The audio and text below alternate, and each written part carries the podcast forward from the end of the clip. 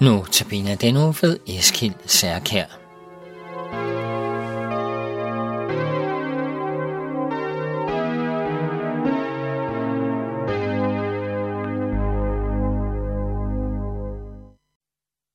Goddag. Jeg er Eskild Særkær og er diakon. I dennes uges notabene gennemgår jeg nogle vers fra brevet til Romerne kapitel 1, og vi er nu kommet til vers 5. I de foregående vers har Paulus præciseret nogle af de afgørende sandheder om Guds store frelsesbudskab, hvor han i vers 4 konkluderer, at Jesus i kraft af helligheds eller helligånds er stadfæstet som Guds søn med magt og vælge den opstod fra de døde. Med dette som baggrund fortsætter han i vers 5. Af ham har vi fået noget af apostelkald til at føre mennesker i alle folkeslag til troslydighed, hans navn til ære. Det første, Paulus nævner i dette vers, er ordet noget. Dette ord forstår vi. I Efeserbrevet kapitel 2, vers 8 bliver den beskrevet på denne måde. At noget er frelst ved tro, det skyldes ikke jer selv, Guds er gaven. Det betyder, at det er Gud, der har gjort alt for både at frelse os og for siden at at vi kan leve som kristne. I Romer kapitel 3, vers 23 og 24 bliver Guds nåde derimod beskrevet således, eller imod os beskrevet således.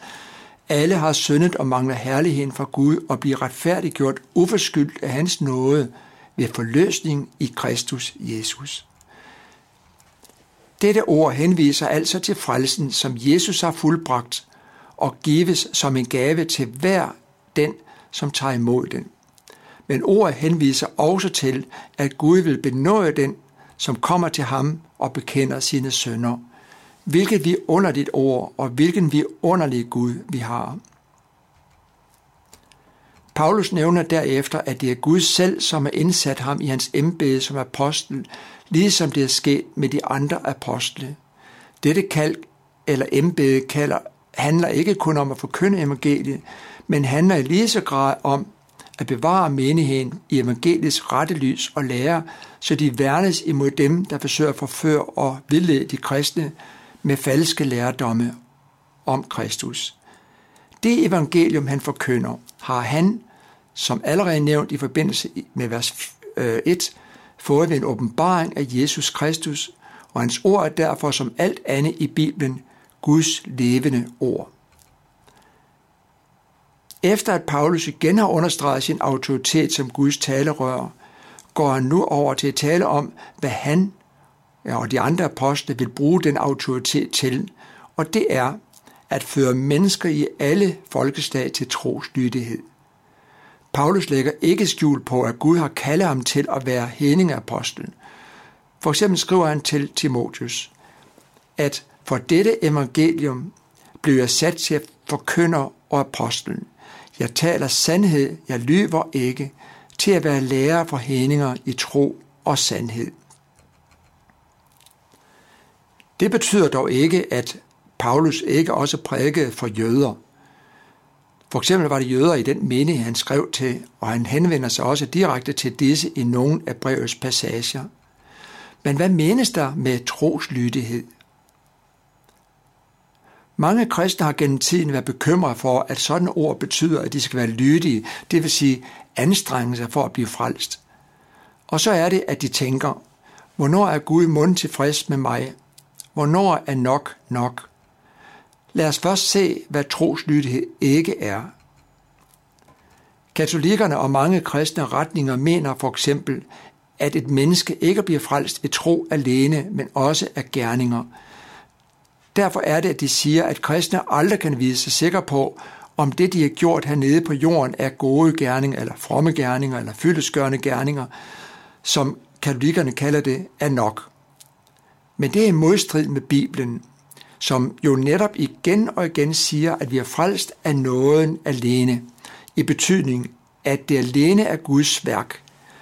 Det gamle testamente, såvel som det nye testamente, siger klart og utvetydigt, at der er ikke og kan ikke lægges noget til denne nåde.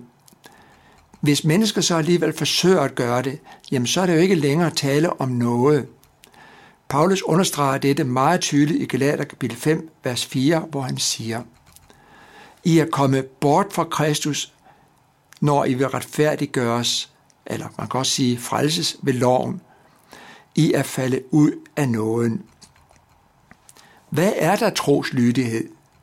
Her må vi forstå, at da vi kom til tro på Jesus, kom der straks et før og efter ind i os. For troen forvandler os til at blive mere og mere lige Jesus, fordi troen har givet os af Guds ånd. Har vi derfor taget imod Jesus som frelser og er født på ny, ønsker vi af natur at gøre Guds vilje. At det så ofte mislykkes er en anden sag. Vi har nemlig stadig det gamle, syndige menneskenatur i os, som ikke vil det, Gud vil. Det beskriver Paulus indgående i kapitel 7, hvor han blandt andet klager over syndens magt, og så siger han, jeg forstår ikke min handlemåde. Jeg gør jo ikke det, jeg vil, men det, jeg hader, det gør jeg. Hvem kan sige sig fri for denne syndens magt, spørger han. Jeg tror, at alle kristne har oplevet at syndens magt på samme måde, som Paulus klager over i vers 24, hvor han siger, Jeg elendige menneske, hvem kan fri mig fra dette dødens læme? Heldigvis standser han ikke her. Han ved, at det vi mennesker ikke kan, det kan Gud ved Jesus Kristus, og derfor er spørgsmålet, hvem kan fri mig, også kun et retorisk spørgsmål. Og derfor er det, at han triumferende fortsætter og siger, Gud skal tak ved Jesus Kristus, vor Herre. Det, at det ikke er os, men Gud, er nok det, der fylder mest i hans breve.